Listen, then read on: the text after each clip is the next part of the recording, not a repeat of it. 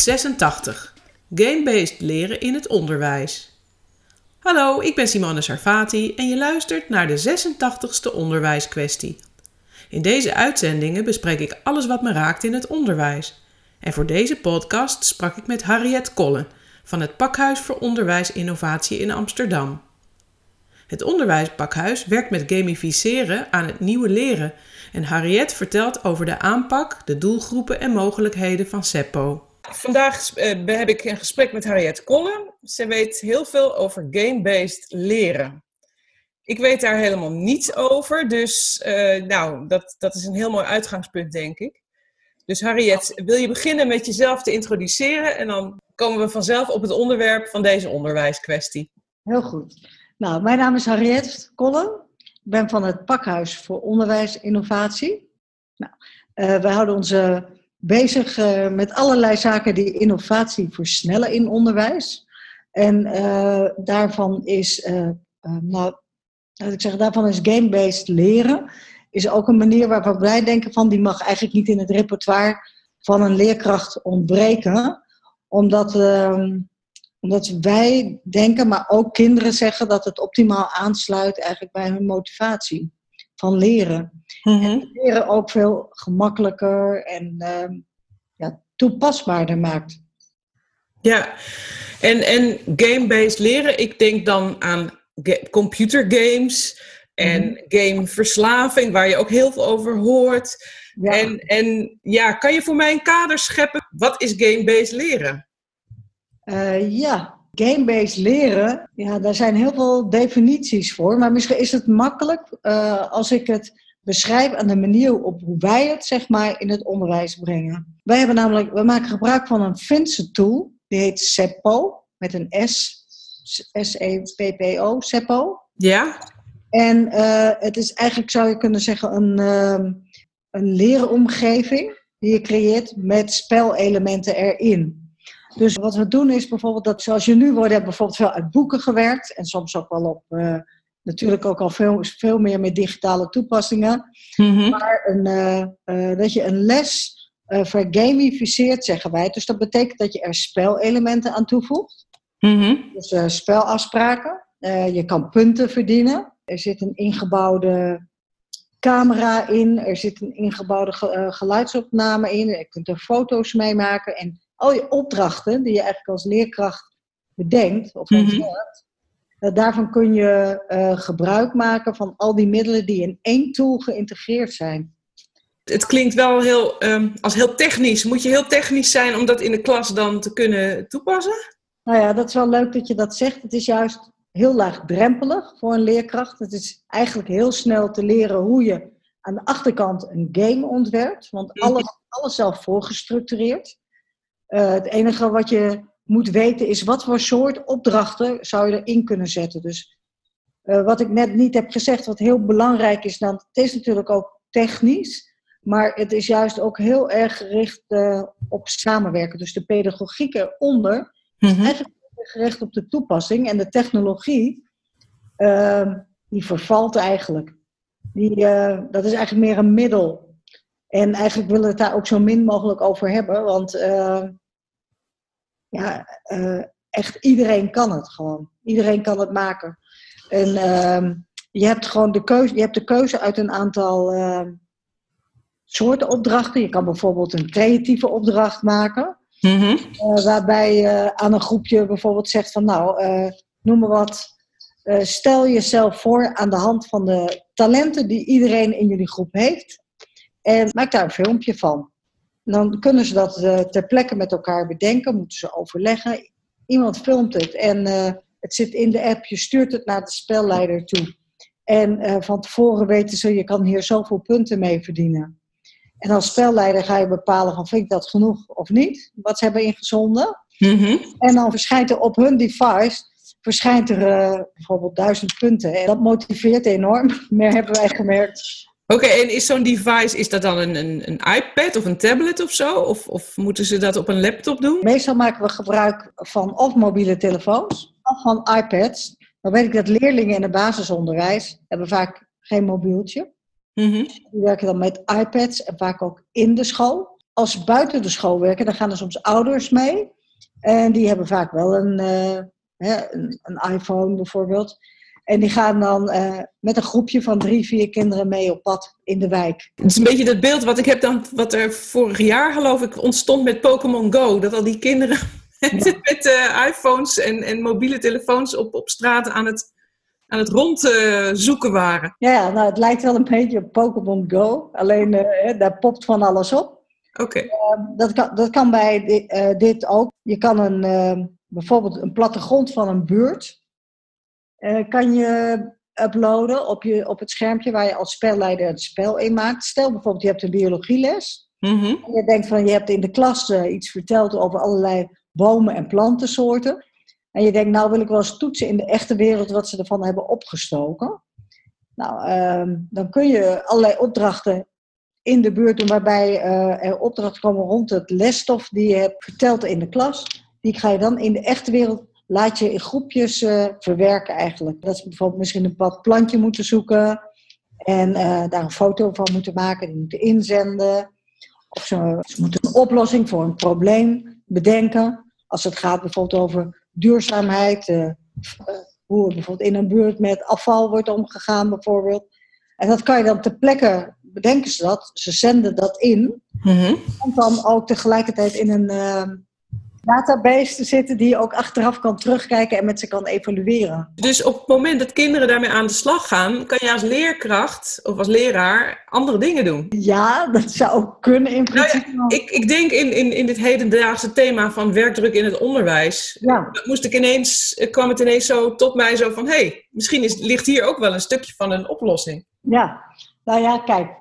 Uh, het is wel zo, als, leer, als leerkracht monitor je het spel. Uh, je zou dat ook een ouder kunnen laten doen, bijvoorbeeld. Dat zou kunnen. Je kan ook zelf achter de knoppen en uh, die, die kinderen zijn met groepjes, eventueel onder begeleiding in de wijk.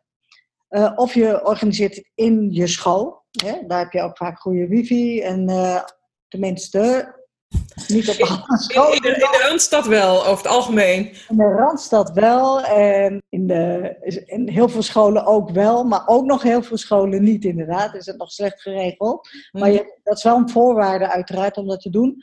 En dan als uh, leerkrachten, uh, als jij veel open opdrachten erin hebt gezet, uh, dan krijg je de antwoorden van de groepjes binnen. En kan je ze direct feedback geven op wat ze doen.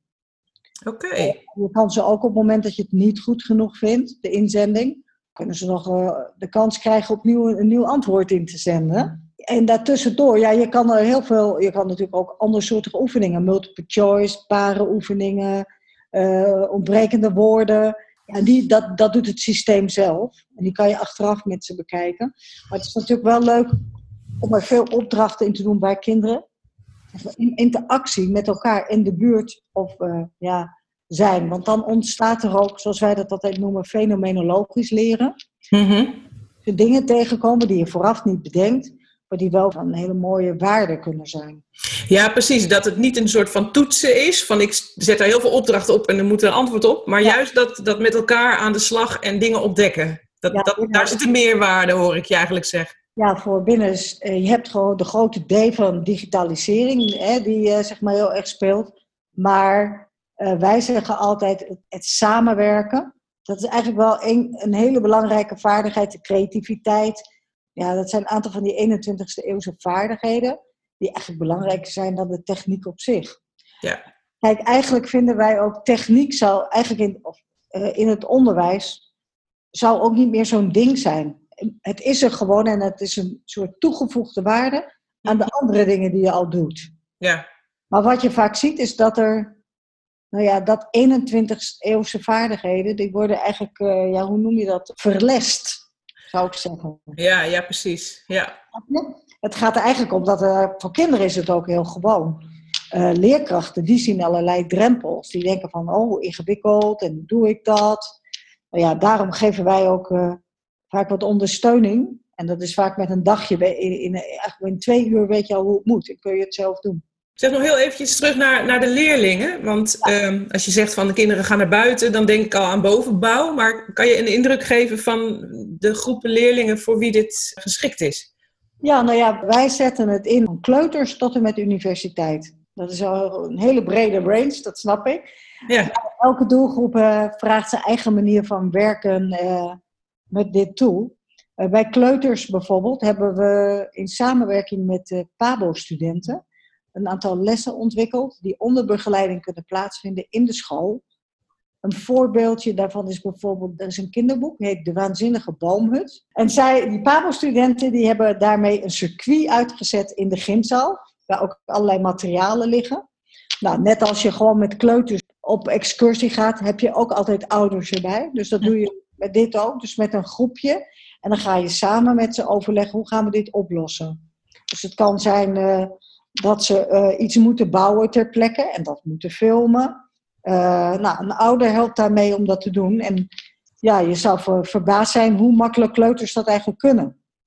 Geweldig. En vanaf, ja, als je het echt hebt in de bovenbouw, vanaf, laten we zeggen, hè, groep 6, 7, 8, die kunnen er wel redelijk zelfstandig helemaal mee werken. Mm -hmm. Wat je leuk is van als je nog in de bovenbouw zelf, kunnen kinderen ook opdrachten echt bedenken om zelf games bijvoorbeeld weer voor jongere kinderen te maken. Oké, okay, geweldig. Ja, en je kan gewoon, uh, je kan het zo gek maken als je wil. Je kan natuurlijk gewoon de leidraad van je methode aanhouden. En daar bijvoorbeeld een groepsles zeg maar in voorspellen eigenlijk. Hè? Ja. Wat meer spelelementen erin brengen. Je kan ook dingen op die manier toetsen die je hebt aangeboden. Dat je denkt, nou, even kijken of ze het hebben gesnapt en ik maak het in de vorm van een spel. Dat is natuurlijk veel leuker voor kinderen. En dan voel je je ook niet zo getoetst als kind. Nee, die hele druk gaat weg. Het wordt ook leuk. Ja. En het leuke van games is, daar mag je heel veel fouten in maken. Dat is helemaal niet erg. Je krijgt al directe feedback. Zo van, het was niet goed. En dat zijn ze ook gewend. En, uh, en je krijgt eventueel de kans op herkansing. En je gaat gewoon door, want het totaal telt uiteindelijk. Dus het is helemaal niet de fouten maken, hoort bij eigenlijk uh, bij gamen. Nou is Seppo in die zin niet echt, zou je kunnen zeggen, zo'n game uh, met uh, allerlei ingewikkelde regels en visuals en noem maar op. Het is eigenlijk vrij simpel. En daarom zei ik ook, het is eigenlijk ja, je leerstof vergamificeren. Dat is eigenlijk wat we doen. En laatst was ik op een school in Zevenaar, mm-hmm. sterrenschool.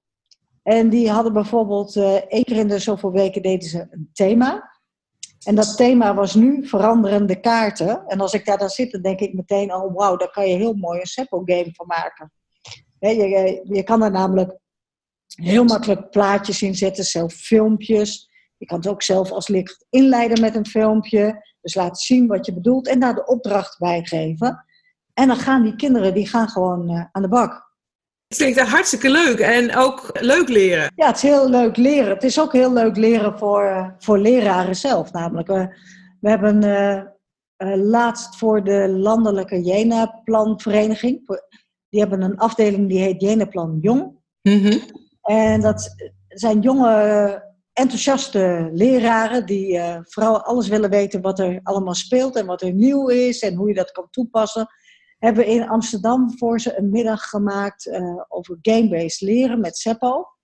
En hebben we uh, de omgeving van het AI, het filmmuseum, eigenlijk gebruikt als, ja, ik noem het dan wel eens een pedagogische speeltuin. De muren van, de, van het klaslokaal zijn eigenlijk afgebroken. Dit is je playground, daar leer je. Mm-hmm. En uh, nou, zij hebben aan de lijve ondervonden even hoe dat is om in zo'n buitenwereld te leren en daar allerlei opdrachten te krijgen of zelf te moeten verzinnen. En, uh, en op die manier uh, hebben ze eigenlijk ervaren hoe je de vertaalslag ook naar kinderen in je klas kan maken. Maar ook hoe je dit bijvoorbeeld met je team als teambuildingsactiviteit zou kunnen doen om elkaar als leraar beter te leren kennen. Want uh, ja, dat is natuurlijk ook heel belangrijk. Ja, ja, precies. Dus het is eigenlijk heel breed inzetbaar.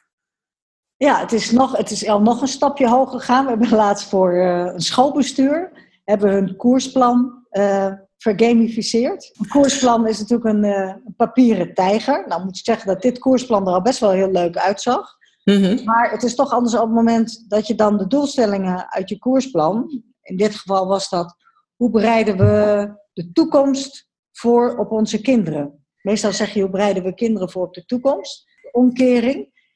En uh, dan ging het over hoge ambities. Nou, als je dan in zo'n gebied van zo'n bestuur kijkt, eh, wat voor soorten wijken daar bijvoorbeeld zijn, waar kinderen onderwijs krijgen, dan zie je dat het ook vaak heel divers is.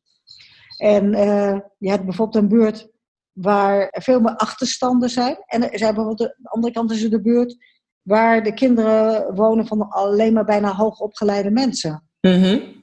En wat betekent op de ene plek de hoogste, ambitie halen en wat betekent dat voor de andere plek?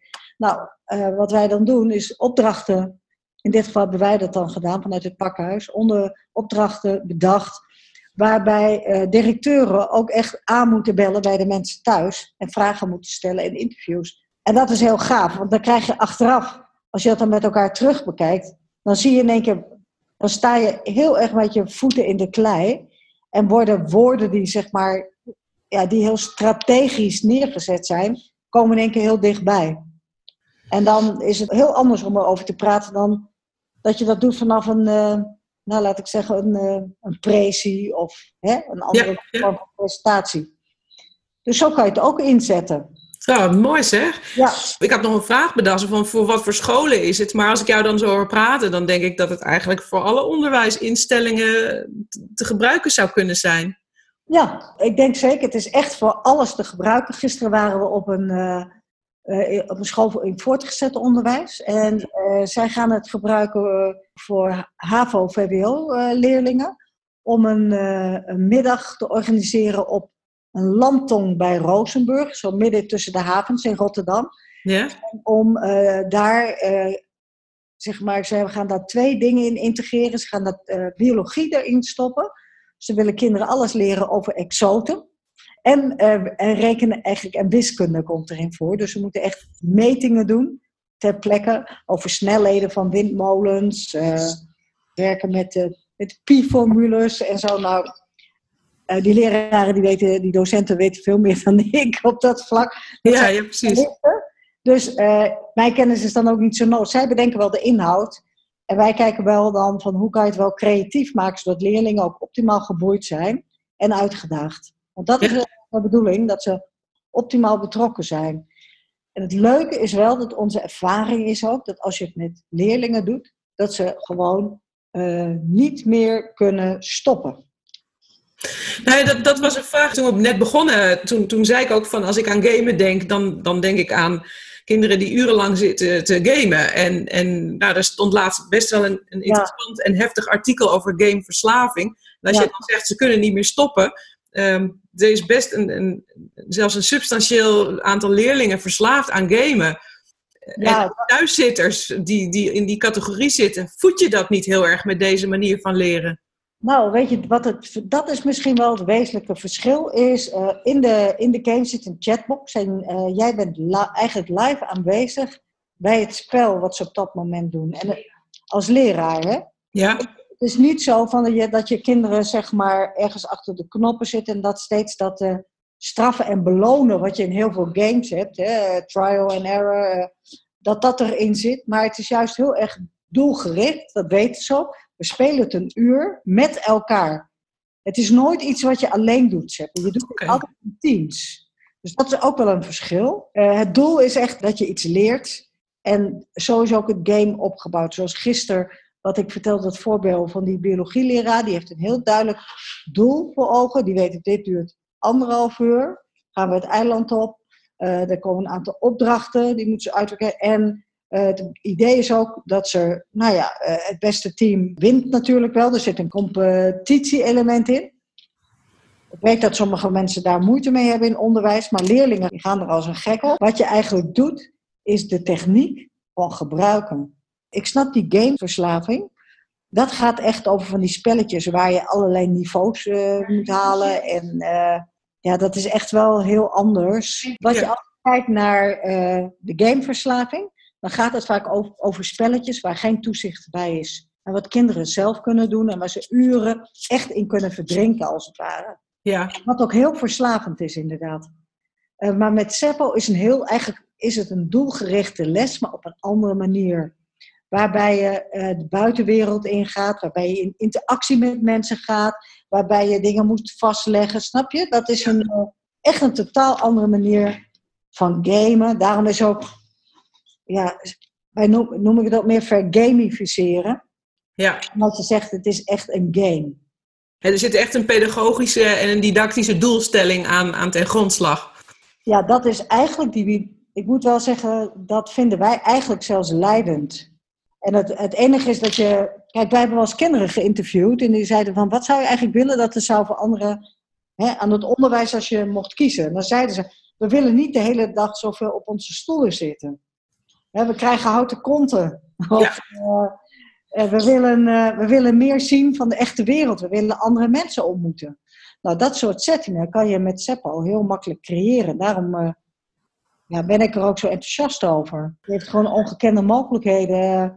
Kijk, zelf heb ik veel tijd in het OGO-onderwijs gewerkt. En dan werkte we heel veel met thema's en projecten. Maar is dit gewoon ontzettend gaaf voor. Je kan uh, je eigen leeromgeving dusdanig bouwen dat je en kinderen interactief aan de slag zet. En je kan er alles instoppen. Ja, dus het is ontwikkelingsgericht leren uh, naar de next level. Ja, eigenlijk wel. Het is eigenlijk heel ontdekkend leren. Uh... Ja. Zeg nog even een vraag die, die daarbij bij mij opkomt. Ik heb uh, mijn roots in onder meer het speciaal onderwijs liggen ook. Hebben jullie ja. ook ervaringen met, met deze vorm van leren in het speciaal onderwijs? Ja, uh, we zijn daar net mee bezig. Uh, toevallig waren we gisteren op een uh, school met kinderen uit cluster 2. Dus taalontwikkelingsstoornissen? Ja, taalontwikkelingsstoornissen. En zij zijn heel erg geïnteresseerd in SEPO, omdat ze ook zien van, het, je, hoeft er, je kan heel veel uitleggen al met filmpjes. En kinderen ook, kunnen ook zelf filmpjes maken van dingen en hun antwoorden formuleren. En het is veel meer doen dan alleen maar praten. Dus je creativiteit wordt aangesproken, ook weer het samenwerken. En ja, ik denk dat het er heel geschikt voor is. We hebben ook de ervaring bijvoorbeeld, uh, er was een, uh, op een school een jongen met een, zoals dat dan zo mooi heet, een stoornis uit het autistisch spectrum. Ja. En die ging op een gegeven moment via Seppo met zijn leerkracht communiceren. Mooi. En die leerkracht was heel erg verbaasd, zo van wauw. want hij zei dingen die hij gewoon rechtstreeks niet zijn, maar wel via het game. Dus dat is gewoon, uh, ja, je ziet dat die kinderen aan, met dit soort tools een veel grotere scala van mogelijkheden krijgen, één keer om zichzelf uit te drukken. En ook om dingen te laten zien. Dus ik denk dat het juist in het speciaal onderwijs heel geschikt is. Ja, ik hoor echt een, een wereld van mogelijkheden ontstaan. Ja, wat leuk is, uh, we, uh, gisteren waren we op die school, de Beurtschool en de Alexander Roosendaal school dus in Amsterdam. Ja. En zij gaan uh, lessen nu ontwikkelen met Seppo en uitproberen hoe het werkt. Dus het is ook heel leuk om dat te volgen. We gaan daar zeker ook zelf ja, artikeltjes over schrijven en ervaringen van publiceren. Perfect. Wat kan je hier nou mee? Nou ja, kijk, wij zijn zelf ook heel erg geïnteresseerd, vooral op die inhoud, van hoe je het onderste hiermee uit de kant kan halen voor kinderen. Omdat, ja, we geloven gewoon vooral omdat die pedagogische en die didactische insteek centraal staat, dat je daar hele mooie dingen mee kan bereiken. En voor kinderen is deze wereld, het omgaan met deze middelen al vrij normaal. Maar wat je nu nog vaak ziet is dat Bijvoorbeeld dan laat je kinderen filmpjes maken of je laat kinderen van dingen geluidsopnames maken. En in Seppo zit het allemaal geïntegreerd. Ja. ja en, en dat maakt het ook heel makkelijk toepasbaar. Dus ja, weet je, het is voor kinderen, het is voor leraren, het is voor trainers. Het is een manier van leren die, uh, ja, eigenlijk, het is leren op zijn 21ste eeuws. Maar ja, wij benoemen dat nooit zo, maar dat is het eigenlijk wel. Eigentijds leren is het. Ja, ja, precies. Seppo is een platform uh, waarbij alle lessen die je maakt ook gedeeld kunnen worden. En, en werkt dat dan met een licentie die je moet aanvragen? Of? Ja, je werkt uh, met een licentie. Een licentie kan per leraar, of je kan als school zeggen: we kopen licenties uh, voor onze leerlingen. dat hangt een beetje vanaf hoeveel mensen met Seppo willen werken. Je ziet in het VO worden, worden er wat meer leerlinglicenties gekocht en in het PO uh, worden er lerarenlicenties gekocht. Uh, ja, en dan kan je gewoon onbeperkte uh, lessen erin gaan maken. En dan vervolgens kun je die delen. En dat maakt dus dat als je als de Nederlandse bibliotheek die is nu aan het groeien, dat je op allerlei lesgebieden heel makkelijk lessen kan uitwisselen en kopiëren. En dus niet steeds zelf het wiel hoeft uit te vinden. Prachtig. In het teken van de kennisdeling is dat natuurlijk fantastisch. Ja, dat is fantastisch. En ook dit, in, als je het nou hebt over uh, uh, werkdruk, wat op dit moment nogal een actueel thema is. Precies. Ja, uh, als je niet alles zelf hoeft te bedenken, dan. want dat is, dat is vaak een bezwaar dat mensen zeggen. Oh, zoveel werk, al die lessen maken en hebben geen tijd voor. Maar als je het even slim organiseert en je maakt ook gebruik van het platform, ja, dan heb je gewoon een hele bibliotheek tot je beschikking. Ja, ja, geweldig. Dat is hartstikke mooi. Ja, mooi verhaal, heel helder. Ik zie ineens het ook veel meer voor me dan een half uurtje geleden. Dus Ja. dat is heel erg leuk. Ja. Eh, als mensen dit horen, deze podcast, waar kunnen ze dan informatie vinden over eh Seppo? Nou, ze kunnen informatie vinden op onze, op onze website www.hetonderwijspakhuis.nl. Zet ik ook op de website trouwens. Oké, en Seppo zelf heeft ook nog een website, seppo.io. En we hebben een, een Facebookgroep Onderwijspakhuis.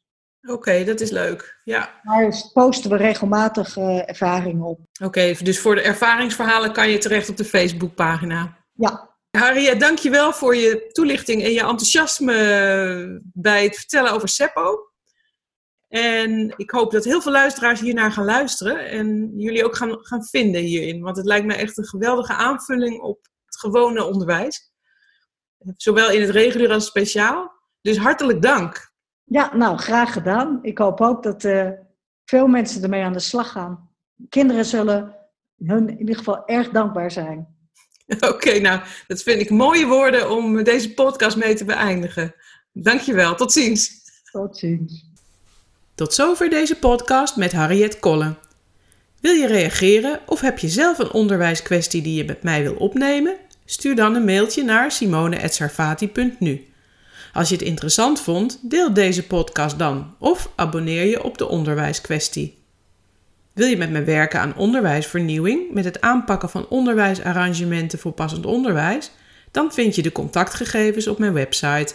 Weet dat ik het waardeer en weet ook dat je meer informatie over onderwijsarrangementen kunt vinden op mijn website www.sarfati.nu. Sarfati met PH en IE. Met een hartelijke groet en tot passend weerziens.